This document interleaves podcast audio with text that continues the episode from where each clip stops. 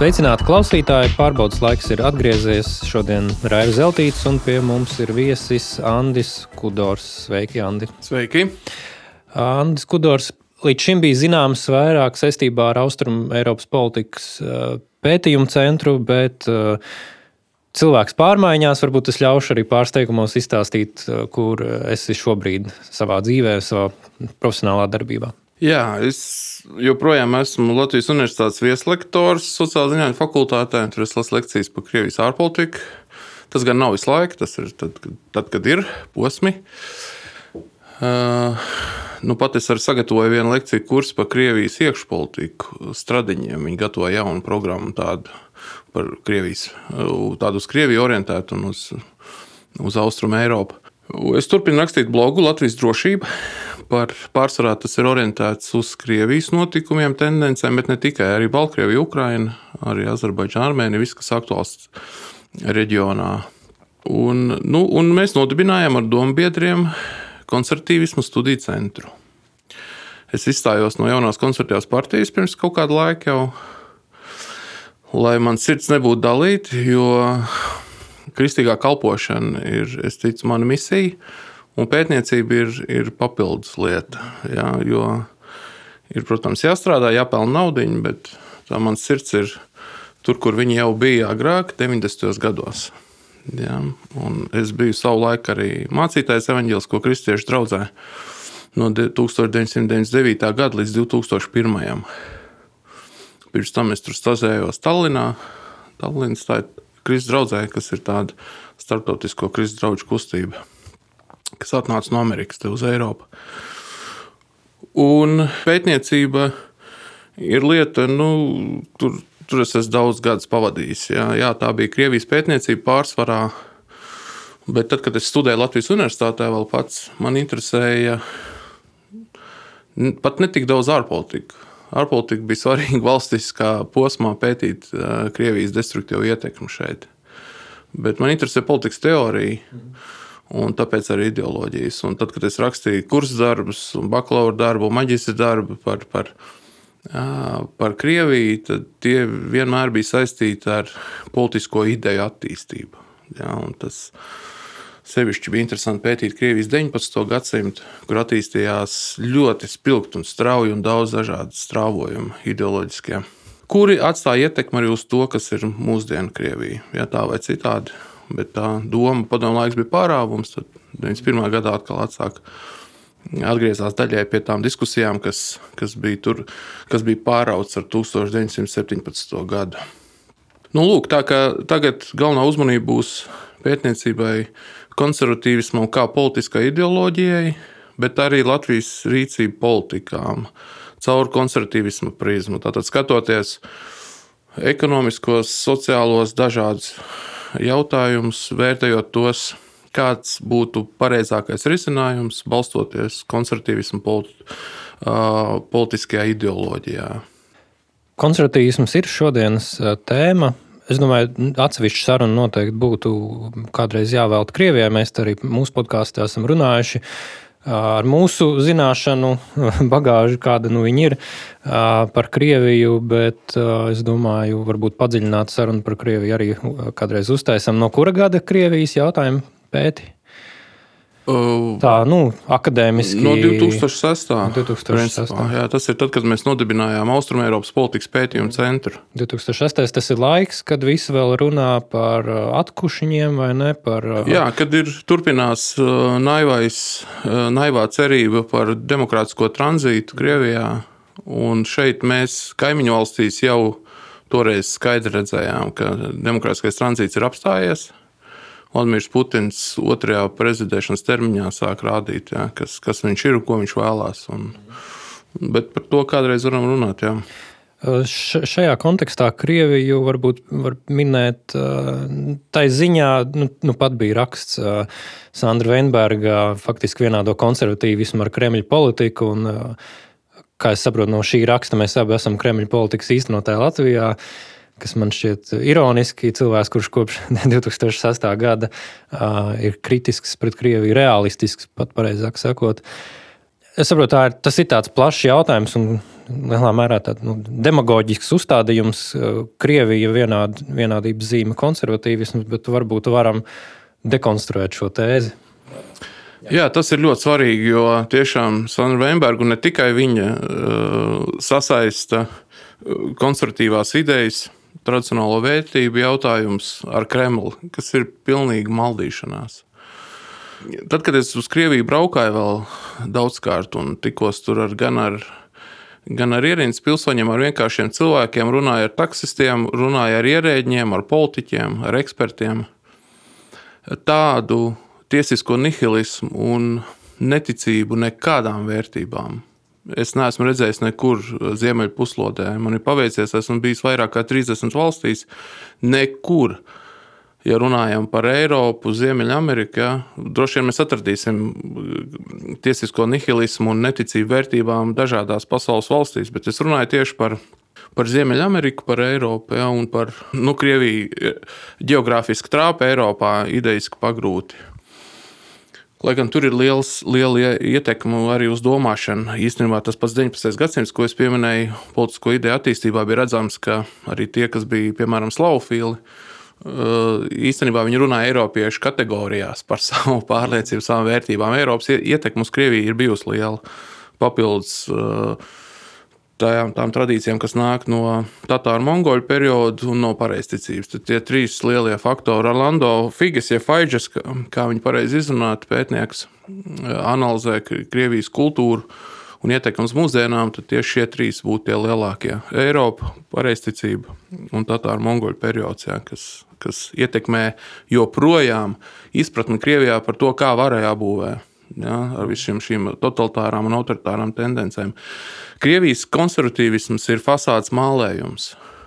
Pirmkārt, te daļa arī Eiropā sašaurina konservatīvismu idejas uz, tikai uz jautājumu par homoseksuālismu, kas ir totāls sašaurinājums. Ja, un dažkārt arī mērķiecīgs. Ja, es lai... to esmu pamanījis. Un arī, diemžēl, no daudziem konservatīviem, kas īstenībā neiedziļinās tajā savā filozofiskajā fonā, kas viņam būtu jāzina.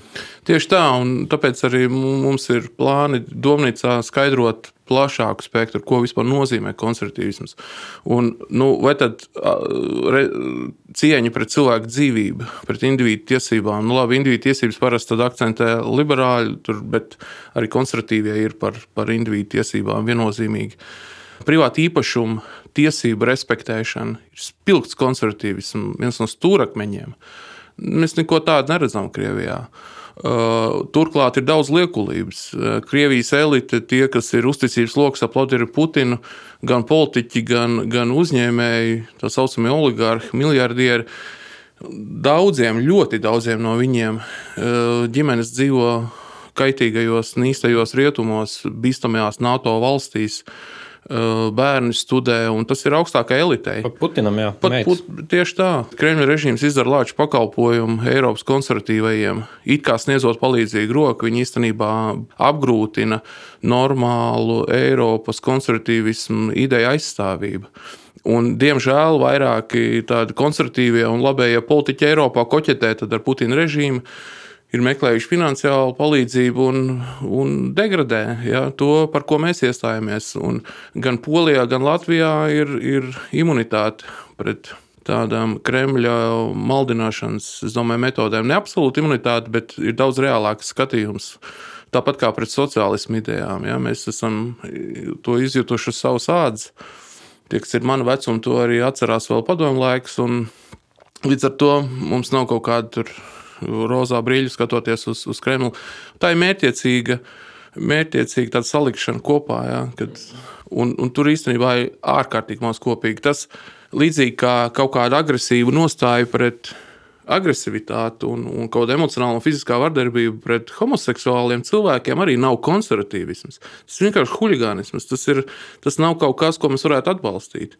Vienlaikus mēs tomēr sakām, ka mums ir pārliecība, ka dabiskā ģimene ir, ir vienīgais modelis, kas ir jāizstāv valstī.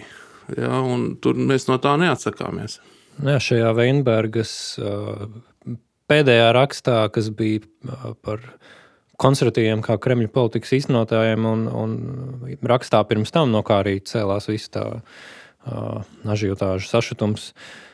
Nu, tur, man liekas, līdz tādai galējai pakāpei bija novesta šī te, te mēģinājumi reducēt konservatīvismu līdz nu, faktiski visam sliktajam, kas pastāv cilvēkos, principā konservatīvisms kā noziedzība.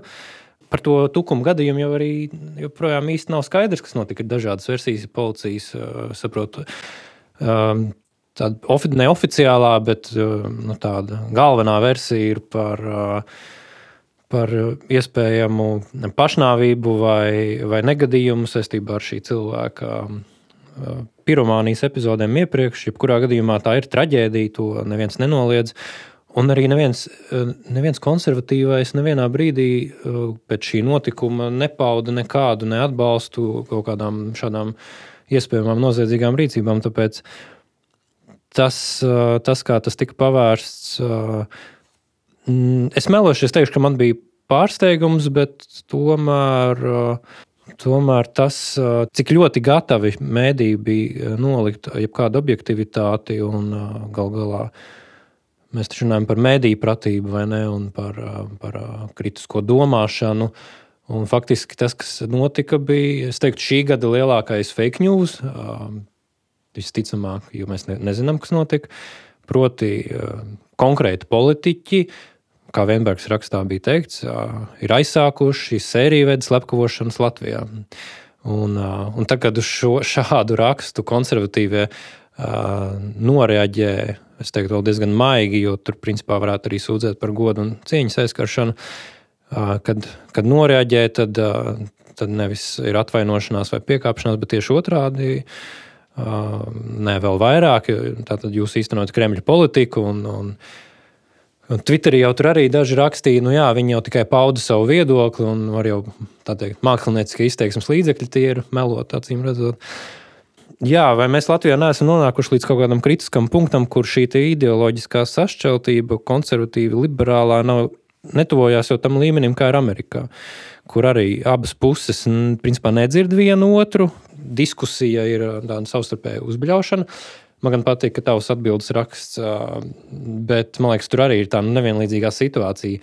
Tur ir meli un pretī ir nu, ļoti iz, izsvērti, konstruktīvi pretargumenti, bet vai tas tā strādā? Vai, vai mēs vienmēr nu, uz mums uzbļauj homofobiju, vai mēs vienmēr teiksim, nē, nē, nē mēs tādi neesam un gari paplašināti skaidrosim? Jā, te tu aizskar vairākas svarīgas jautājumus, un tā problēma ir kompleksa un nav tāda vienkārša risinājuma.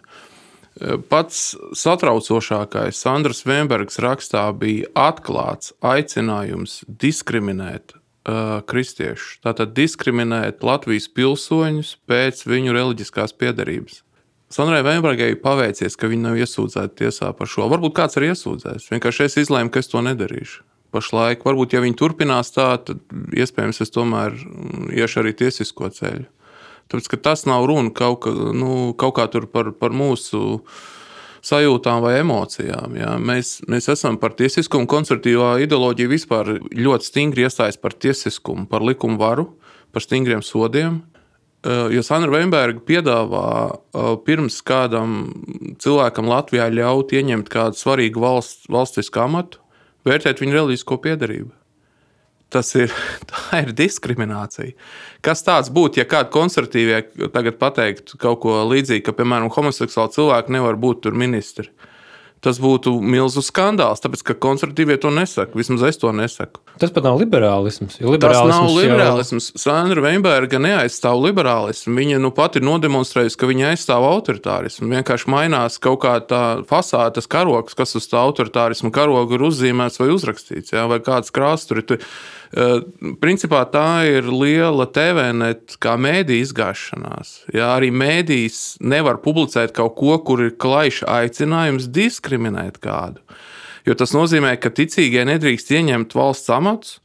Neko tādu nedrīkst piedāvāt. Tā nav filozofisks pārdoms. Ja? Tas ir aicinājums uh, uh, ierobežot cilvēka, cilvēktiesības Latvijā. Tāpēc, ka reliģijas brīvība ir viens no cilvēktiesību elementiem. Uh, Jā, reliģijas brīvība tas nozīmē, ka es drīkstu ticēt, kam es vēlos, es drīkstu publiski paust savu reliģisko pārliecību. Un daudzi Latvijā ir, ir, ir saputrojušies, viņi vienkārši nav iedziļinājušies, ko nozīmē valsts un baznīcas šķirtība. Ir, ir pārpratuši. Viņi domā, ka mums ir jādzīvo kristiešiem kaut kur katakombās, un mēs drīkstam tikai čukstēt savā starpā par savu pārliecību. Piedodiet, tas ir, tas ir reliģijas brīvības ierobežojums. Tāpēc šī, šī sadaļa ir ļoti satraucoša. Manuprāt, tas ir, tas ir liels skandāls. Ir nožēlojami, ka liberāļi, kas iestājas par vārdu brīvību un, un par to, ka nedrīkst nevienu diskriminēt ne pēc etniskās piedarības, ne pēc reliģiskās, ne pēc kādas citas, jā, piemēram, kad viņam ir kaut kāda amata jāieņem. Tad te bija jābūt liberāļiem politiķiem, jānāk aizstāvēt brīvību, cilvēku brīvību, ticēt, kam viņš vēlas, un arī uh, runas brīvību un reliģijas brīvību. Jā. Es neredzu, ka būtu iestājušies. Tas, tas atgādina tādu nevis politiķu un daži eksperti arī iestāšanos par savām vērtībām, bet tādu, traib, traibālisms, pat nezinu, kā to pateikt, tā ir tāda piederība baram. Un vienalga, ko kāds mūsējais pasakā, mēs visi obligāti piekrītam. Mm. Es negrasos piekrist visam, ko Latvijas konservatīvi noskaņot cilvēki pateiks, tā skaitā politiķi. Ja es redzēšu, ka viņi runā kaut ko, ko es uzskatu par nepareizu, neatbilstoši, piemēram, eh, likuma varai, konservatīvismu ideoloģijai, un demokrātijai, nu, tad, es, tad es iebildīšu, protams, ja tur būtu atbilstošs konteksts par visu, jo man nebūs jārunā.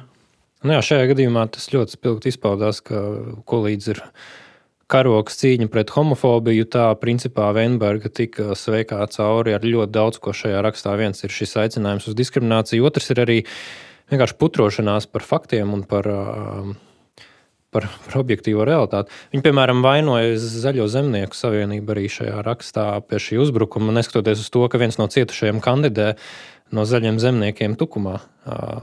Nu, līdz pat, tāda, līdz pat tādai pakāpei. Nu, jā, diemžēl TVNets ir izlēmis skaidri pozicionēties. Nu, mums droši vien arī klausītājiem ir jāvērtē, vai mēs to turpmāk uzskatām, ka tas ir mēdījis, kurš pauž objektīvu realitāti ar savu, protams, viedokli. Tas vienmēr var būt vai, vai nu, rupors. Man tas izstāsta pēc tāda nu, Ja es gribētu lasīt progresīvu avīzi, nu es viņu varbūt abonētu. Es nezinu, vai viņiem ir avīze. Bet, nu, ja es ieeju it kā ziņu portālā un es sajūtos kā progresīvu avīzē, tad. Mēdi, privātiem mēdījiem ir tiesības pozicionēties. Ja? Mēs tikpat labi tas pats ASV piemērs par CNN Fox. Ja? Tad vieni atbalsta demokrātus, otru atbalsta republikāņus, bet arī ne visos jautājumos un nevienmēr. Ja? Bet viņi pozicionējas. Ja? Viena liberālāka, viena konservatīvāka šis jau nebija gadījums, kur TVNets pozicionējās kā, kā liberāļi. TVNets pozicionējās kā tādi, kas publicē aicinājumu uz diskrimināciju. Tas ir kaut kas cits, tā ir cita kategorija. Te nav runa vairs par politiskām ideoloģijām. Lai privātie mēdīji uh, un portāli, pozicionējas. Man nav iebildumu pret to. Mēs zināsim, lūk, te ir konservatīvāka redakcijas politika un tam līdzīgi. Viņiem nav obligāti, protams, viņi nepaņēma manu rakstu un nepublicēja. Nu, ok, nu nepublicēja. Es atradu, kur publicēt Latvijas LA, tātad jā, tas internetu portāls paņēma un nopublicēja. Un, nu, labi, pirms tam viņi publicēja, TVNets pirms tam tomēr publicēja vienu manu rakstu, kur es komentēju Bībeles raksturvietas par to, kas Bībelē rakstīts par homoseksuālismu. Jā, jo toreiz diskusija sākās un dažādi versijas izskanēja. Es domāju, es gribu tādu nelielu ekskursiju, cik nu, tas nelielais raksts vispār atļauj. Un tā, paldies TVNet, ka viņi to nopublicēja. Jā, un, nu, Bet te nav, es vēlos uzsvērt, te nav runa par šo atšķirību, ja konservatīvie liberāļi. Te bija runa, vai arī, kā tu teici, tur taču fakti nebija noskaidroti. Ja, tiek, tur bija alternatīvie fakti, tas, ko mēs kā nosodām. Precīzi. Ja, nu, līdz ar to te ir, nu, te, te ir tāda negodīguma sajūta, ja, kas vieniem atļaus, tas otriem ne. Un, un mēs redzam, šis jau ir tas satraucošais eh, faktors Latvijā, ka eh, mēdījos daļa cilvēku, tā skaitā arī sabiedriskajos mēdījos, diemžēl, sevišķi piemēram Latvijas televīzijā. Tie, kas ir liberāli noskaņoti, viņiem ir tiesības būt tādiem. Es respektēju cilvēku tiesības izvēlēties sev tīkamāko politisko ideoloģiju, bet sabiedriskais mēdījis nedrīkst pozicionēt sevi. Ja viņš nedrīkst nosvērties tur uz vienu. Viņiem jābūt maksimāli neitrāliem, un to viņi var panākt ar dažādu viedokļu paudēju uzaicināšanu. Ja. Nu, privātie, lai, lai pozicionējās, bet eh, tāds viltus ziņas izplatīt neviens nedrīkst, un aicināt uz diskrimināciju neviens nedrīkst. Šis gadījums, eh, tukuma lieta un, un tā interpretācija jau ir viens no stāstiem eh, jau tādā ilgākā mēģinājumā pacelt homofobijas tēmu līdz tādai aktualitātei numur viens Latvijā. Un te arī ir jautājums, vai tā tiešām ir tāda aktualitāte, kā to mēģina pasniegt, jo arī nu, tie saucamie iepriekšējie homofobijas gadījumi. Tur ir ļoti, ļoti diskutabli. Nu, tur kaut kāda uzlīmju līmēšana, kur pēc tam kamerās um, ir novērots, ka paši uzlīmēm paši noņem šīs te, homofobiskās uzlīmes. Denis Hanova gadījums, labi, tur neiešu detaļās. Uh, pat ja bez tā visa ir nepārāk gudri cilvēki, kuriem šķiet, ka aizskar cilvēks dēļ viņu seksuālās orientācijas. Būtu kaut kas pieņemams, pat bez tā visa. Vai tā tiešām ir tāda aktualitāte, ka, nu, ieslēdzot mēdījus, nu, šķiet, ka tā, bez Covid tā ir tēma numur divi šobrīd valstī. Jo man šķiet, diviem miljoniem Latvijas iedzīvotāju ir diezgan daudz citu aktualitāšu šobrīd. Jā, es neredzu, ka, ka tā būtu reāla problēma numur divi Latvijā. Eh, man uzaicināja, es, es biju TVNet eh, video tiešsaistes diskusijā, kur, kur eh, mozaīkas vadītājs uzaicināja mani, lai es aizietu pie viņiem. Viņi izstāstīja, kā tomēr viņi jūtās un ka viņi ir diskriminēti. Un es pieļauju, ka es uzņemšu, pieņemšu šo uzaicinājumu, jo es esmu par dialogu un labprāt es gribu teiksim, paklausīties, kā, ko viņi stāsta. Ja? Tie, teiksim, tā tiešā saruna ir, ir vērtīga. Bet pirms šīs sarunas es varu teikt, ka es, es neredzu, ka tā būtu tik liela problēma. Diemžēl daļa tādu liberālu aktīvistu, kas ir sociālajos tīklos, aktīvi pauž savu viedokli mērķiecīgi lieto šo vārdu homofobija. Es nezinu, kur, kur viņi vispār būtu atbilstoši lietot. Es saprotu, ka runa par fobijām uh, ir, ir runa priekš psihoterapeitiem un, un psihiatriem. Uz ko tad viņi faktiski es redzu, kā viņi, kāds man atbildes sūta, kad es arī Twitterī kaut ko tam līdzīgu paužu. Tad, tad tur sūta Wikipēdijas kaut kādas definīcijas, un, ja man studenti referātā ieliks atsauci uz Wikipēdiju, tad, tad nebūs laba atzīme. Nav iespējams, jā, jo mēs zinām, kā Wikipēdija top. Jā. Es šodien iegāju vēl palasīju vienu tekstu par konservatīvismu. Tur arī, ja tāda referāta man rakstītu, kāds students arī nebūtu laba atzīme. Ja. Tur, nu, tur raksta, ka, kas vēlas. Un, diemžēl viņi mēģina šo definīciju parādīt tādu, ka vienkārši, ja nepatika par to, tad jau tā ir homofobija. Ja. Tas nozīmē, ka latviešu tur vispār ierakstīts, ka dažkārt tā ir uh, tā pārliecība, ka tas ir kaut kas slikts, ir reliģiski balstīts. Nu, jā, es esmu kristietis, es lasu Bībeli, es uzzināju, ka homoseksuālisms ir negatīva parādība no Bībeles. Es tur to uzzināju. Ja? 90. gados, 90. gada sākumā es izlasīju jauno derību. Nu, tā ir mana pārliecība. Un es to nedrīkstu paust, es nedrīkstu tā domāt. Es, es ticu, ko es nedrīkstu darīt. Es nedrīkstu būt agresīvs pret šiem cilvēkiem. Es nevaru viņus kaut kā vajāt, jā. ne, ne fiziski aizskart, ne, ne emocionāli. Jā. Emocionāla vardarbība arī ir ļaunums. Un es neko tādu arī negrasos darīt. Un es ticu, ka daudz konservatīvie tiešām tie, kas ir tādi huligāniski noskaņoti un ir gatavi aizskart, nu, bet tie arī man nav sabiedrotie. Jā. Un, diemžēl tie pat cilvēki ar abām izglītībām, es dažkārt abrīnoju, kā viņi saliek šo kopā kā viņi speciāli, es nezinu, speciāli, ne speciāli koncertīsmu uzreiz sasaist ar kaut kādu agresiju, vienalga emocionāli vai vēl kādu. Tas, ka tirgū sakausies par kaut ko, par nezinu ko, ja, un viens aizstāvēs vienu jautājumu, otru, otru, nu, viņi nav kaut kādi oficiālie pārstāvji ja, visai teiksim, cilvēku kopai. Tā ir tāda viena individu kaut kāda negācija vispārināšana. Kas ir svarīgi? Konservatīvisms nav par totalitārismu un, un nav par autoritārismu. Tas nozīmē, ka es, piemēram, respektēju individu brīvību Latvijā. Tas nozīmē, ka konservatīvie vienalga, vai viņi ir pie varas vai nav pie varas, viņi nelīdīs cilvēku privātumā. Privātums jārespektē. Totalitārisms iet līdzi individam guļamistabā. Ja, tas ir totalitārisms viena no pazīmēm, ka, ka viņi atšķirībā no autoritārisma pilnīgi visās dzīves jomās iespiežās un mēģina tur noteikt visu nu, Eiropas konservatīvi ir par demokrātiju. Katrā ziņā es nevaru runāt par visiem koncertiem. Es varu teikt par sevi. Jā. Es esmu par demokrātiju un par to, lai godīgā ideju sacensībā, lai tad uzvar viena vai otra ideoloģija, lai tad tie politiķi, kas būs viens vai, ideo, viens, vienas vai otras politiskās ideoloģijas vadīti, lai viņi īsteno attiecīgas rīcību politikas.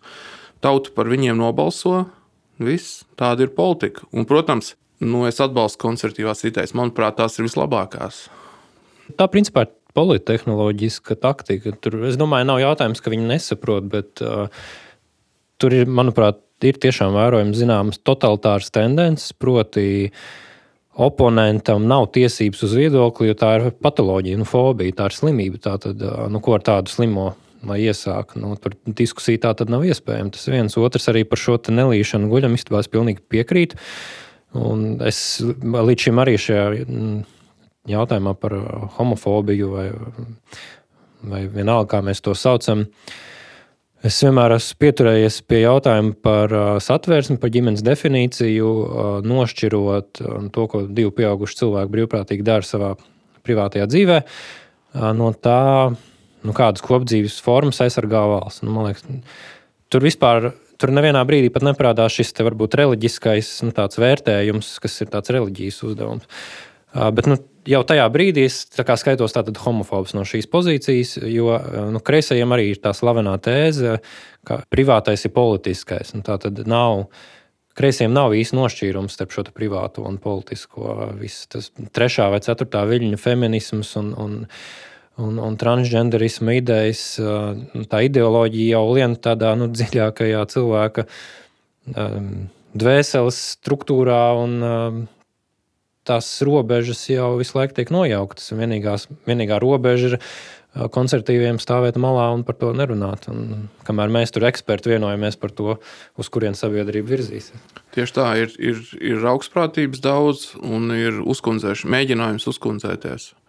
Un, un te nesen bija NRA uh, publikācija par šiem skolnieku aptaujām, tur, kas ir ļoti aizdomīgas. Tur, es teiksim, neesmu visu izpētījis, bet uh, nav pamata neticēt tiem žurnālistiem, kas, kas atainoja vairāku vecāku Latvijā satraukumu, ja, ka, ka bērniem pusauģiem tiek, tiek iesaistīti tādās aptaujās, kur tiek noskaidrot sensitīvi dati, arī tā skaitā viņu seksualitāti. Un kas ir šie cilvēki Beļģijā, kas tagad tos datus iegūs, ko viņi ar viņiem darīs?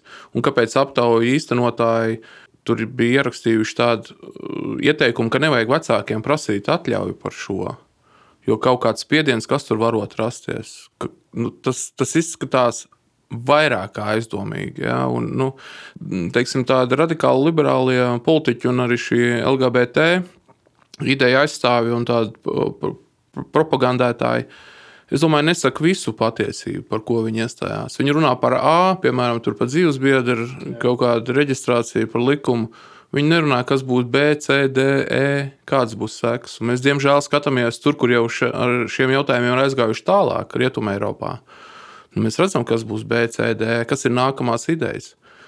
Es skatos, kā ASV tur koledžas līmenī sportā meitenes ir diskriminētas. Tāpēc, ka bioloģiski piedzimuši puiši paziņo, ka viņš jūtas kā meitene, un viņš viegli atletikā noskrien. Un es, man pirmā augstskola bija sporta akadēmija, un es jums teikšu, ka būs situācijas, ka sieviete kaut kur pieveiks vīrieti, būs atsevišķas situācijas, ja, bet kopumā tā ir nevienlīdzīga. Tā, tā nav godīga sacensība. Tur jau ir arī sociālās sekas.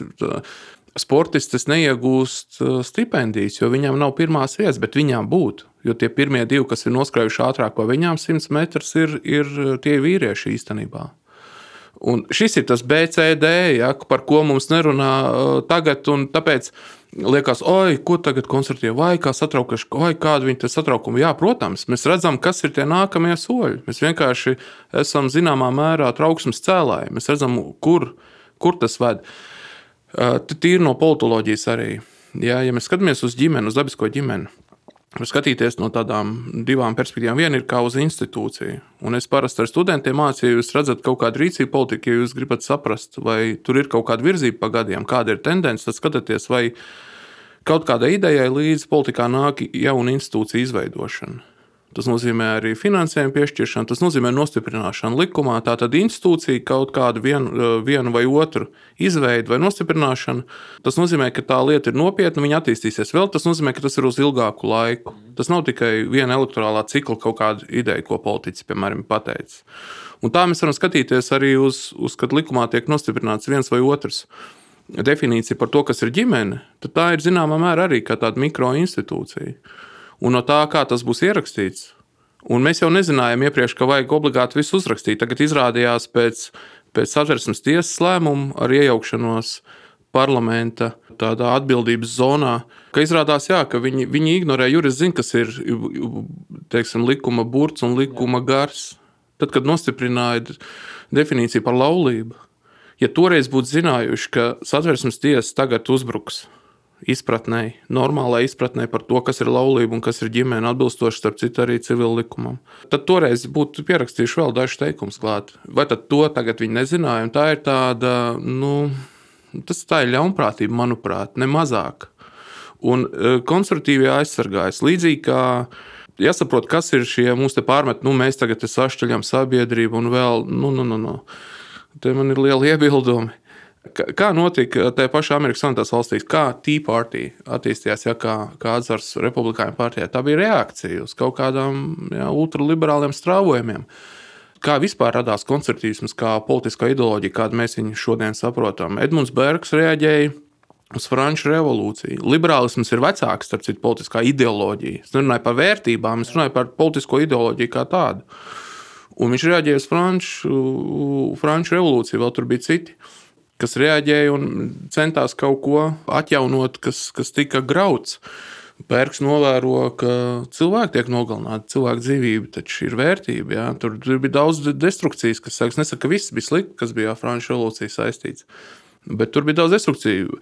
Bergs novēro, ka laulības pēkšņi šķirās milzīgā skaitā. Ja? Un, nu, viņš analizē šīs blaknes.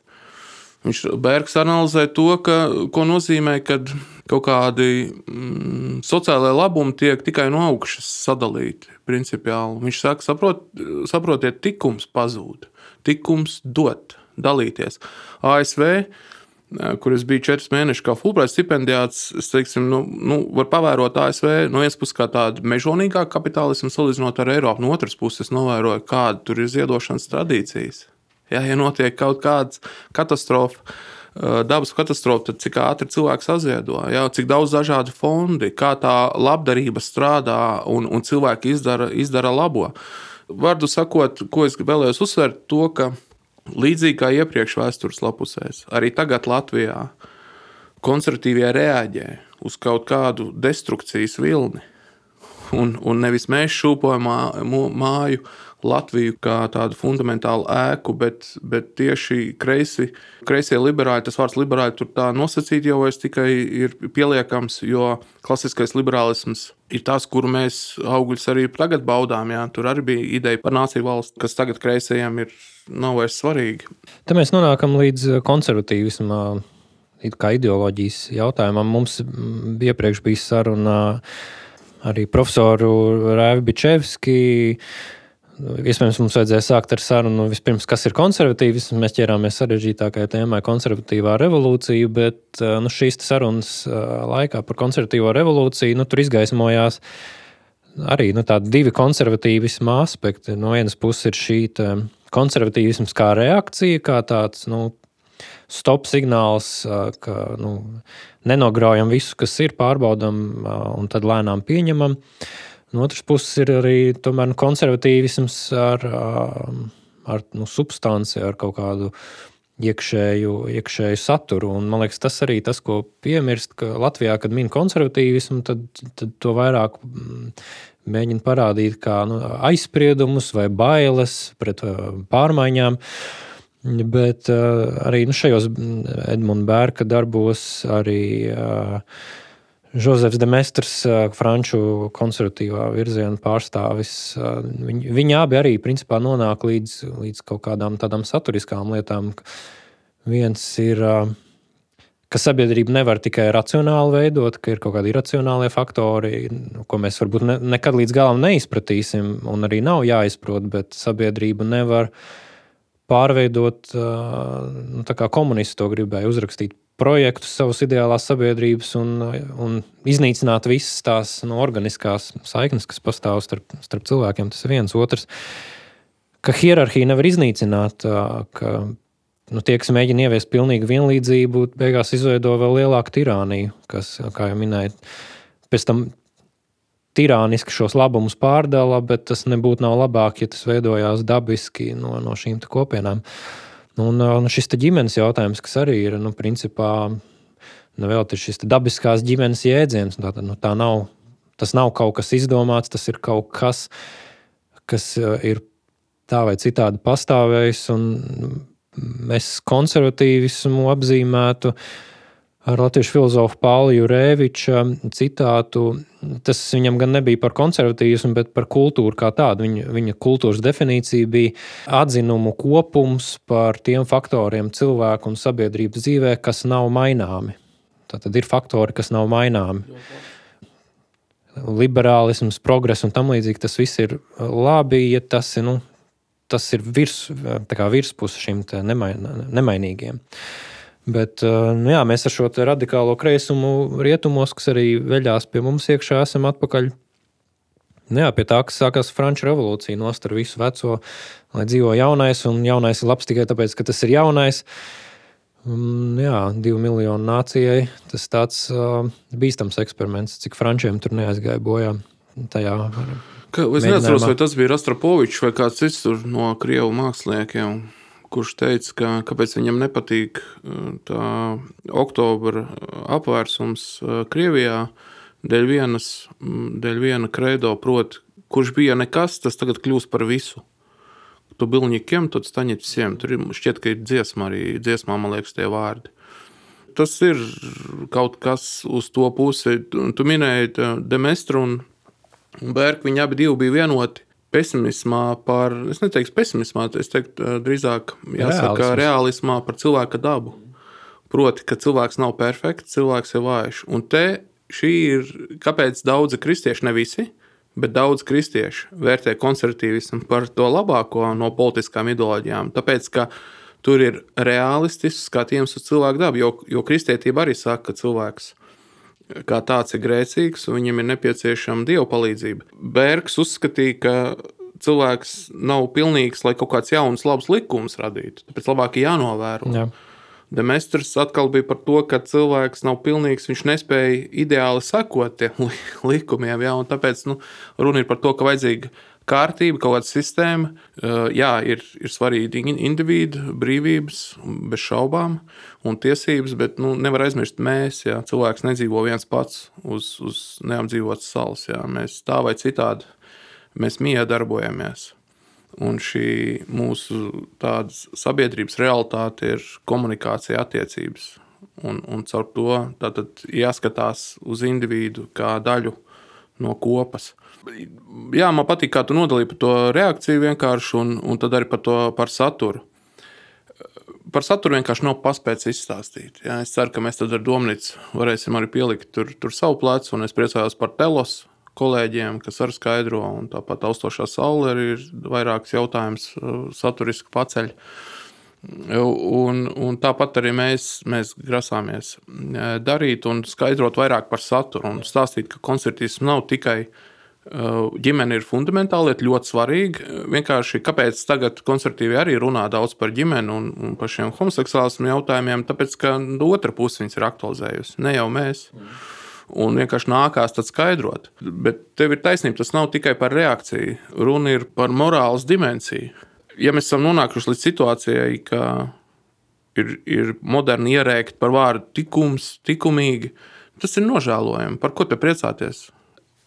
Kaut kad es atceros, kad es studēju vēl Latvijas Universitātē, tur bakalaura studijās, es ar to spriedu caur tiem priekšmetiem, ko mums tur mācīja par to, nu, kā, kur demokrātija strādā.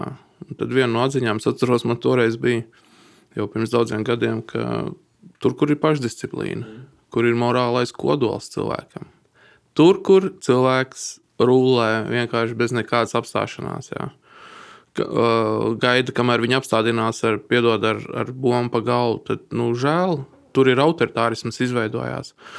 90. Mm, gadu sākumā valdīja zināma eiforija, ja, tur pa vēstures galu. Un tur viss ir Fukujams idejas, un, un nu, lūk, liberālā demokrātija rullē. Tad, tad pēkšņi izrādījās, ka nepietiek ar uh, institucionālo līmeni, respektīvi ar likumiem un institūcijām. Un vienā uh, vienā valstī, vienā tautā strādā un izveidos uh, demokrātiju, un otrā nē. Un tad ir runa par, ir runa par kultūras ietekmi uz politisko kultūru. Un politiskā kultūra nav runa par pieklājību. Tas ir dažkārt tā žurnālisti to pārinterpretē. Politiskā kultūra nozīmē to, ko indivīdi uzskata par labu esam politikā, ko viņi sagaida no sevis kā politiskās līdzdalības dalībnieks, tātad um, indivīds, kas piedalās politikā, kā piemēram vēlētāji. Ko viņi saskata, ko, kas par politiķu ko drīkst darīt, ko nē.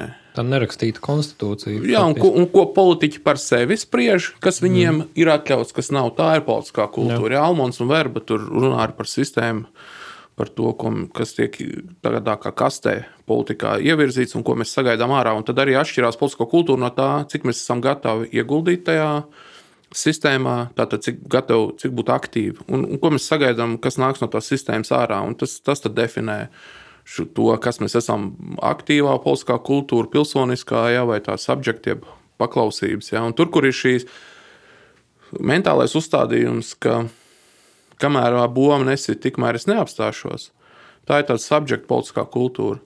Kas notika Irākā? Amerikāņiem pārmet par to, kas notika pēc tam, kad viņi iekaroja op militāru operāciju, bija ļoti veiksmīga, ātra. Kas notika pēc tam? Viņi gaidīja, ka tā valsts sistēma turpinās strādāt, viņi vienkārši virsbūvi nomainīs. Bet, kas, bet realitāte bija tāda, cilvēki izklīdz visām pusēm.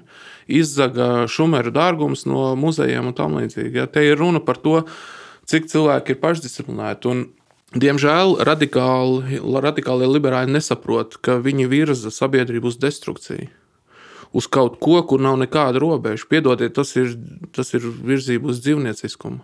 Tur, kur nav morālā kodola, kur nav pašdisciplīnas, kur jebkas ir atļauts un hedonisms ir karoks, tad vienkārši baudu maksimizācija un vienalga, kas aiz mums paliek.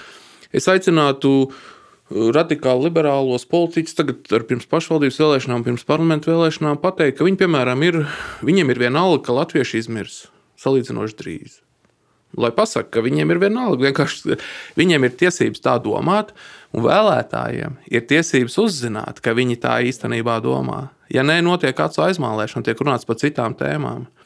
Latvijas uh, iedzīvotāji daudzi neapzinās savu politisko uh, tādu ideoloģisko orientāciju, ja, par ko viņi ir. Viņi ir sociāldemokrāti, uh, vai viņi ir liberāļi, vai viņi ir konservatīvie. Un viena no tādiem uzdevumiem Domnicai, konservatīvismu studiju centram, es redzu Latvijas sabiedrības izglītošanu.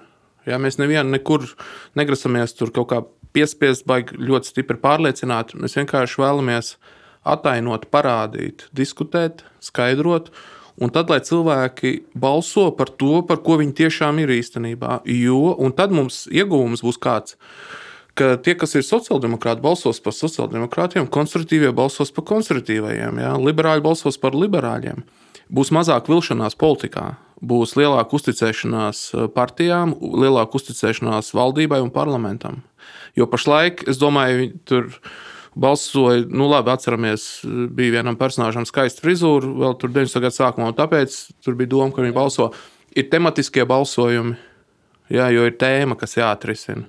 Es ceru, ka notiks stabilizēšanās, un šī partijas vairāk vadīsies pēc politiskām ideoloģijām, dodot kaut kādu skaidrību par nākotni vēlētājiem. Ja, es, es, tas ir viens no mērķiem arī mūsu centram. Reizē arī mēs neslēpjam, ka mēs tomēr gribam popularizēt konservatīvismu. Ja? Tas tomēr nebūs tā, ka mēs tikai pētām uh, Mēs esam biedrība. Mēs drīkstam darīt, kā uzskatām par labu. Esam. Ja mēs drīkstam popularizēt noteiktas vērtības. Jā, mēs esam pētnieki, bet reizēm mēs, mēs popularizēsim to, ko uzskatām par labāko. Nav utopijas konservatīvismā. Pirmkārt, jau tāpēc vien tā ir labākā. Mēs te runājām par, par Bērku un par Mestru, un varētu vēl Šatobriānu, francūžu runāt, un vēl citiem, kas ir ietekmējuši tādu, tās pirmās konservatīvismu domas, bet varētu aizlikt vēl tālāk. Aristoteles un Platons ir divi. Platons ir, ir tas, kurš izdomāja noteiktu utopiju. Un viens no pirmajiem kas varbūt kaut kā ieskicēja, ka var, var, var spriest, var, var fantazēt, kā vajadzētu. Tā ir tāda jābūtības uh, aktualizēšana. Un ir Aristoteles, kurš novēroja polisās, kas strādā, konstatēja, ka polītija ir tā labākā. Viņš vienkārši novēroja un konstatēja, un teica, šis ir tas labākais. Un es domāju, tā konservatīvisma ideja ir šī novērot labāko. Tas nenozīmē, ka mēs neaizstāvam kaut kādas pārmaiņas. Noteiktā valstī konservatīvie nonākot būs gandrīz vai nu, negluži revolucionāri, bet aicinās radikālām pārmaiņām. Piemēram, Polijas gadījums jā, ar Solidarnošķu un ar Vatikānu iesaist poļu katoļu bija par, par spilgtām pārmaiņām. Jā. Viņi jau nebija konservatīvi, tagad, kad saglabās komunistisko kaut kādu uh, režīmu. Nē, par izmaiņām. Nu jā, tā ir tā būtība, ko jau es arī minēju, un mēs arī to apspriedām faktiski. Un, proti, jā, konservatīvisms pēc satura un konservatīvisms pēc formas. Un, man liekas, mēs abi piekrītam, ka ir jābalstās uz konservatīvismu pēc satura. Nav jāsaglabā viss tas, kas ir tikai tāpēc, ka tas ir. Galu galā arī, nu, kāpēc Frančija revolūcija radās, lielā mērā jau tā monarhija nu, bija stagnējoša. Un, ja viņi būtu veikusi kaut kādas reformas, tad būtu noteikti iztikuši bez viss vis tā, kas, tā, kas notika. Un arī, arī domājot tā taktiski un strateģiski, nu, tā konservatīvisma vājā vieta ir tā, ka liela daļa elektorāta un, un bez elektorāta arī politisko procesu tādi uh, ierosinātāji ir jaunieši. Un jaunieši nu, tīri pēc savas psiholoģijas, pēc savu tādu dabiskā virziena ir nu, vērsti uz visu vecā noliegumu un uz pārmaiņām. Kaut kā no tās vecāku līgstas jātiek ārā, un viņi noliedz visu to, par ko ir iestājušies vecāki. Ja jaunieši ir ļoti daudz un viņi tiek pareizi politiski ievirzīti, nu, tad ir 68. gada studentu revolūcija un tam līdzīgi. Un uh, kaut kā līdzīgi tas notiek arī, arī šobrīd. Nu, kaut kā tiek noliegts visas autoritātes, uh, tas, kas ir bijis īstenībā neapzinoties, kas ir tas, kas ir bijis un, un, un, un kāda Latvija ir bijusi varbūt starpkara periodā. Un kaut kā nekritiski tiek pieņemts viss tas, kas nāk no rietumiem, tikai tāpēc, ka nu, tās ir tās, tās pārmaiņas. Bet bišķiņ mēs te nonākam tomēr beigās atpakaļ pie tā. Nu jā, mēs jau neko jaunu tādā veidā neiegūstam. Tas pats komunisms un marksisms vien atgriežas pamazām. Uh, un te drīzāk konservatīvie tiešām varētu nostāties, kā patīk Lijāns, Lijāns Langas ieraksts Twitterī, ka konservatīvie ir sabiedrības avangards un, un kreisie ir uh, tie, kas ir, uh, kā viņi rakstīja, reakcionāri vai um, nu jā, status quo. Faktiski arī mēs varam būt tie, kas ir par pārmaiņām, konservatīvām pārmaiņām. Tieši tā. Domāju, tur ir daudz iespēju radoši tām jautājumam pieiet un konservatīvās vērtības popularizēt arī attraktīvā veidā. Tu minēji to, ka jaunieši tur pēc definīcijas būs tādi, kas tur mm, uz kaut kādu revolucionārismu orientēti. Tāda tendence, protams, ir, bet viņi nav absolūti. Es biju Vašingtonā centrā, redzēju lielu demonstrāciju pro-life. Tātad, kā zināms, republikāņi atbalsta ideju par dzīvību, Tātad tā, tā ir saistīta ar abortu uh, ierobežošanu, ar finansējumu nepiešķiršanu vai samazināšanu valsts finansējumu kaut kādiem fondiem, organizācijām, kas ir tādi aktīvi abortu, abortu īstenotāji vai idejas propagandētāji. Un, un tātad pro-life, kas ir kā, tad, nevis it kā, bet ir konservatīvisma sastāvdaļa, jo pro-choice par izvēli ir, ir tie, kas ir, ko atbalsta feministi un, un daļa liberāļu. Un tur bija daudz jauniešu, un tas bija ļoti attraktīvi. Un tas bija stilīgi. Tur nebija nekā tāda senila. Es ticu, ka ir, ir, būs jaunieši, un lielākā daļa to, kas būs izauguši kristīgās ģimenēs, ir jāsaprot, ka padomu laiks iegriez arī kristietībai grandiozi iegrieza. Un tagad lēnām situācija atjaunojas. Mums būs ar, ar, ar katru paudzi vairāk kristiešu, kas būs izauguši jau kristīgā vidē. Tie būs jaunieši, kas netaisīs revolūciju. Kas būs izauguši mīlestības vidē, es nesaku, ka nekristieši nemīl, ja, bet es domāju, izaugs arī tādā konservatīvā pārliecībā. Ja, arī tā skaitā, piemēram, par to pašu pro-life vai pro-choice, par abortu tematiku. Tā kā jaunieši arī var būt konservatīvi un Tieši tā, progresīvie dažkārt varbūt ir reakcionāri. Mums pašiem jāskatās, lai mēs jā, kaut kādu sev tur nevajadzīgu zīmogu nepieliekam. Mm. Jā, es tieši gribēju minēt, ka nu, Amerikā ir šī politiskā kultūra. Tur tie jaunieši noteikti ir uzauguši jau vai nu kristīgā vidē, vai gal galā tur cilvēki nu, diezgan spēcīgi identificējās, viņi ir republikāņi vai demokrāti. Man liekas, tas ir ļoti labs mērķis šai domnīcai izglītot cilvēkus par to, kam viņi īstenībā tic un piešķirt tam vārdu. Jo to arī SKDS pētījumi apliecina. Man liekas, tam pētījumam drīz jau būs desmit gadi, bet tur ļoti spilgti parādījās. Politiskās pārliecības, kādas viņas ir un kā cilvēki definē. Cilvēki tiešām nezina, kas ir liberālisms, konservatīvisms, sociālisms. Viņi piekrīt tam, kas ir sociāli pieņemami. Viņi teiks, jā, jā, esam liberāļi, bet tādi īsti liberāļi ir nu, varbūt pāris procenti, nu, varbūt pa desmit gadiem ir vairāk. Jo arī par attīstībai parasti nedomāju, ka tur cilvēki balsoja tāpēc, ka viņi ir galēji kreisi. Tur balsoja par labu politehnoloģisku kampaņu. Jā, bet uh, attīstībai par atbilstoši saviem, savai pozīcijai, ka viņi ir liberāļi. Jā, nu, jautājums, cik tur cik tur, piemēram, attīstības cilvēki visi ir tad, jā, liberāļi. Bet tas būs arī citās partijās, jau, kur mēs redzēsim, ka ne visi ir ar sirdi un dvēseli par, par to ideoloģiju, ko viņi partijā arī pārstāv. Jā. Bet tur jau tā lieta, ka nobalsojot par, par kaut kādu tēmu vienu, vēlētājs nobalso arī par citu tēmu risināšana ne ar konkrē, no tās kon, konkrētās partijas, viņa atbalstītās partijas izpildījumā, ko vēlētājs īstenībā necik neatbalsta. Un tāpēc, šī, tāpēc es teicu, ka lai, lai, lai kreisi liberālie pasaka, ka, ka viņiem īstenībā neinteresē latviešu nācija pastāvēs vai nē. Jā, galvenais, kas ir šodien, jā, ir baudu maksimizācija, ir hedonisms jā, vai nav lai šo pasaku, lai, lai viņi ir godīgi pret vēlētājiem. Ja, viņi, ja es tagad kļūdos, un viņi īstenībā domā citādi, tad labi, tad lai, lai to pasakā, tad mums būs tur konservatīviem, būs ko ar liberāļiem runāt. Ja, būs, kur, nav jau te kaut kādai mākslīgai kaujai jābūt. Nu, pat progresīvie nesen teica, piemēram, ka viņi atbalsta azartspēļu ierobežošanu. Ļoti labi. Vai es tagad uh, teikšu, ka, oh, nē, ko viņi tur, kā viņi tā īstenībā kreisē? Nē, ja progresīvie saka, ka viņi ir ir, uh, par azartspēļu izplatības ierobežošanu, tad es saku, šajā jautājumā es viņiem vienots. Kur ir problēma vēl, kas, kas raisa uz tādu nu, agresiju, ir šī mm, tādu birku pielikšana un, un mēģinājums visus cilvēkus salikt tādās šaurās kastēs. Jā.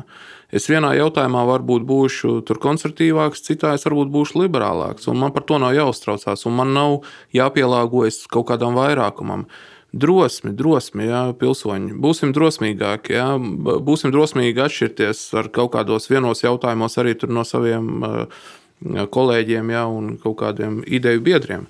Par to nevajag uztraukties. Svarīgi, ja mēs kaut kur varam vienoties, arī labi. Nevajag to kašķi, kašķi pēc. Bet kas ir principiāls, par to jāiestājās. Un, um, es domāju, kas rada nervozitāti konservatīvajā kopā, ir tas, ka mēs jau neesam atrauti no Eiropas, pārējās Eiropas Savienības. Un tās tendences eh, ar to pašu apskaukšanos homofobiju, un, un kā tikko kritika, tā uzreiz ir homofobija, un, un, tā, un vēl cits tendences. Mēs jau redzam, ka viņas tur attīstās, un viņi tie vēji pūš uz šejienes. Ta, tas jau var ietekmēt. Diemžēl, nu, es ticu, ka Latvijā konservatīvi domājoši ir vairākums Latvijas iedzīvotāji. Eh, pat ja viņi vēl pilnā mērā to neapzinās, ka tas nozīmē eh, konservatīvo. Bet eh, nu, mēs esam atvērti sistēmu diezgan. Ja, un te, ja Josipovs atsaucās uz Eiropas juridikatūru un, un aizmirst to, ka mums satversmē rakstīts, ka vara Latvijā pieder Latvijas tautai, tā ir problēma. Jā, un, protams, ka būs satraukums, protams, ka būs um, uh, konservatīvā mobilizācija, mobilizēšanās. Jā, jo mēs iestājāmies par to, ko mēs ticam, kas ir labs Latvijas tautas ilgspējīgai attīstībai. Šeit es uh, no, no iepriekš runātā uztveru un saprotu, ka mērķa auditorija ir sabiedrība, tauta, bet kā ar pašiem politiķiem, jo rietumos parasti domnīcas ir ielikās nu, tā vai citādi saistītas ar politiskajām partijām. Viņas tur uh, gūst kaut kādā mērā savu ideoloģisku attaisnojumu, atjauno kaut kādas pozīcijas savas. Un, uh, protams, arī nu, nav viss ideāli rietumos uh, ar konservatīviem. Reizēm tur ir ļoti liels problēmas. Bet tomēr nu, ir tā sajūta, ka pašas partijas sevi uztver ideoloģiski. Ja mēs runājam, ka sabiedrība īsti neuztver sevi ideoloģiski, bet uh, vai partijām ir vajadzīgas šādas domnīcas? Ideālā gadījumā būtu labi, ka katrai partijai ir sava domnīca, kas viņiem palīdz saražot kvalitatīvu produktu, intelektuālu produktu ar, ar, ar vērtību analīzi, ar piedāvājumiem, kā šīs vērtības iedzīvināt konkrētās rīcību politikās. Un mēs redzam, ka ir, ir International Republican Institute, jā, kas kas darbojas visā pasaulē, arī globāli. Nu, es nezinu, vai visā pasaulē, bet daudz, daudzās valstīs, kas saistīts ar Republikāņu partiju ASV, ir National NDI, National Democracy Institute vai Democratic Institute. Tad precīzi neatceros, bet tie ir saistīti ar Demokrātu partiju. Un uh, Latvijā šī tradīcija vēl nav attīstījusies. Un, un es savulaik arī biju JKP, un tur arī bija ideja, ka varētu būt iekšējā domnīca. Bet nu, man patīk būt, es, es izbaudīju darbu Austrumēropas politikas pētījuma centrā, jā, nesaistīt ne ar vienu politisko partiju. Un šī brīvība ir lieliska. Ja, kad mēs, mēs varam, mums nav uztraukuma par kaut kādiem partijas rāmjiem vai, vai konkrēto mērķi tagad nākamajās vēlēšanās vai tam līdzīgi. Ja. Mēs varam tīri darboties intelektuālu produktu ražošanā. Un, un to pieredzi, ko es iegūstu Austrumēropas politikas pētījuma centrā, es gribu izmantot arī koncertīvismu studiju centrā. Jā, gan to organizatorisko pieredzi, gan pētniecību, gan finanšu meklēšanu, gan, gan zinām, lobbyismu. Tā nozīmē, ka mēs centāmies ietekmēt politiķus. Mēs gājām uz, uz um, saimnes komisijām un teicām savu viedokli. Un tas, tas tā arī ir metode. Tā kā koncertīsma studiju centrs darbosies abos virzienos, gan uzrunās sabiedrību, sevišķi jau studējošo, jo tie rakstu krājumi, ko mēs plānojam darīt, veik, veidot, mm, tie, tie, es domāju, tā viena no galvenajām auditorijām būs studenti, kas lasīs, jo viņiem referāti jāraksta, bakalaura darbi jāraksta, maģistra darbi jāraksta. Ir labi, ka ir par rokai. Ja, kaut kā jau analīzi sagatavot, ja tā ir vēl latviešu valodā, vēl labāk. Protams, studenti tagad ļoti labi zina angļu valodu. Uh, jaunieši, bet nu, vienalga tas ir ērti. Ja mēs, mēs panākam pretī, tad mēs, mēs viņiem pastiepjam roku. Tātad vairākas mērķa grupas uzreiz mēs komunicēsim arī ar politiķiem. Sevišķi jau mēs plānojam pat sadarboties jā, ar, ar konservatīviem politiskiem spēkiem. Tas atkarīgs, protams, no viņiem arī, kā viņi to redzēs. Mēs būsim neatkarīgi, bet tas nenozīmē, ka mēs nekomunicēsim, tas nenozīmē, ka mēs nesadarbosimies. Mēs, piemēram, esam gatavi, ja kāda no politiskām partijām, piemēram, grib kaut kādu pētījumu par noteiktu tēmu, ar konstruktīvismu skatījumu, un viņi ir gatavi mums samaksāt, mēs esam gatavi tādu pētījumu uztaisīt. Ja? Bet, līdzīgi kā APPC, tātad Austrumēras politikas pētījuma centrā, mēs neļāvām, ka mūsu satura ietekmē. Ja? Mēs arī šeit neļausim. Ja? Mēs, mēs vienkārši razo, ražosim savu savu materiālu, savu produktu, un, un tad, nu, tad tālāk, lai, lai tad politiķi izlemj, ko viņi no tā ņems sev, Un, un mēs toreiz atceros, tam bija augļi, jā, PPC bija augļi, jā, jo mēs skaidrojām, kas ir maigā vara, daļa žurnālistu un daļa pat ekspertu tur sāk neiedziļ, neiedziļinoties, kaut ko pielika klāt vai noņēma nost kaut ko, kas, ko mēs redzējām, kāda ir vispār pamatīdeja maigai varai. Plus par Krieviju mēs pētījām, un mēs nu, kaut kādus arī faktus skaidrojam, kas notiek savu redzējumu. Jā, tas tas mūsu mūs mērķis bija ietekmēt politiķus, lai viņi pieņem kvalitatīvākus ārpolitikas lēmumus, nu, arī diplomātus. Tā, tas, tas pats tagad, nu, varbūt tas nevis varbūt, bet tas nebūs uz ārpolitiku orientēts. Mēs orientēsimies, protams, uz iekšpolitiku pārsvarā.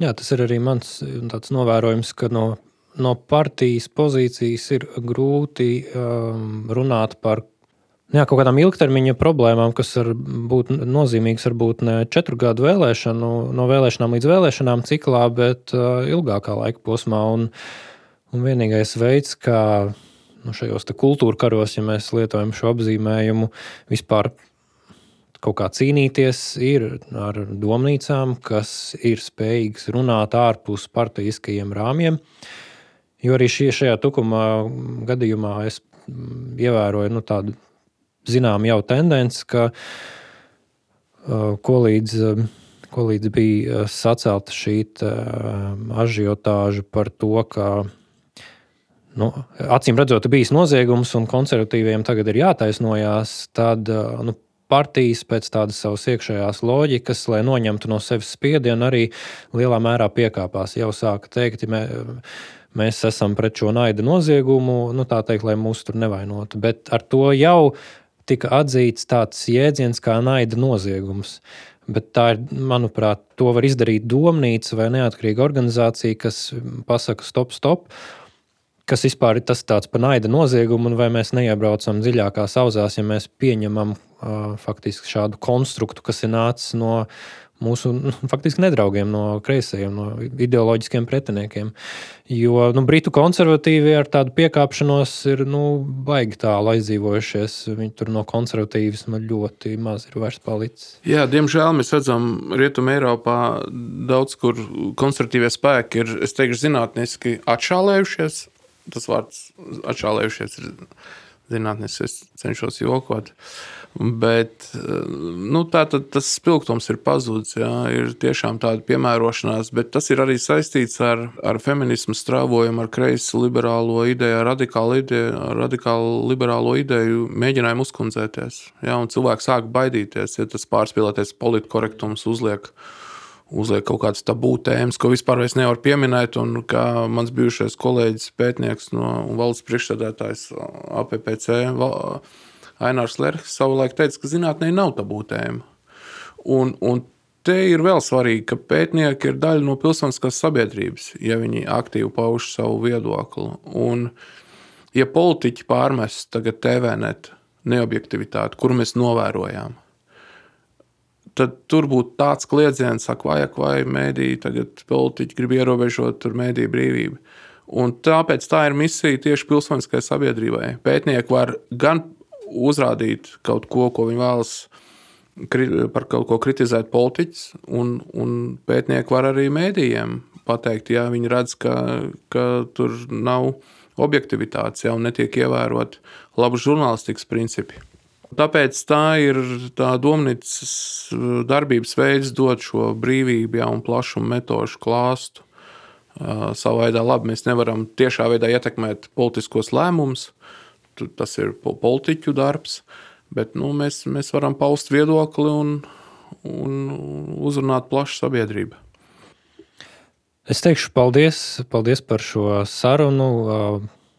Paldies par to darbu, ko, ko dara šī domnīca un, un vispār, ko dari ar, arī ar citiem projektiem. Pirmais solis, lai patiesību uzvarētu, par viņu vispār ir jārunā. Tas ir tas, ko es domāju, mēs visi darām kas ir iesaistīti konservatīvajā straujumā Latvijā. Novēlu veiksmi un noteiktu tikšanos citā pārēdē. Paldies tev un paldies austošai saulē par iespēju paust viedokli.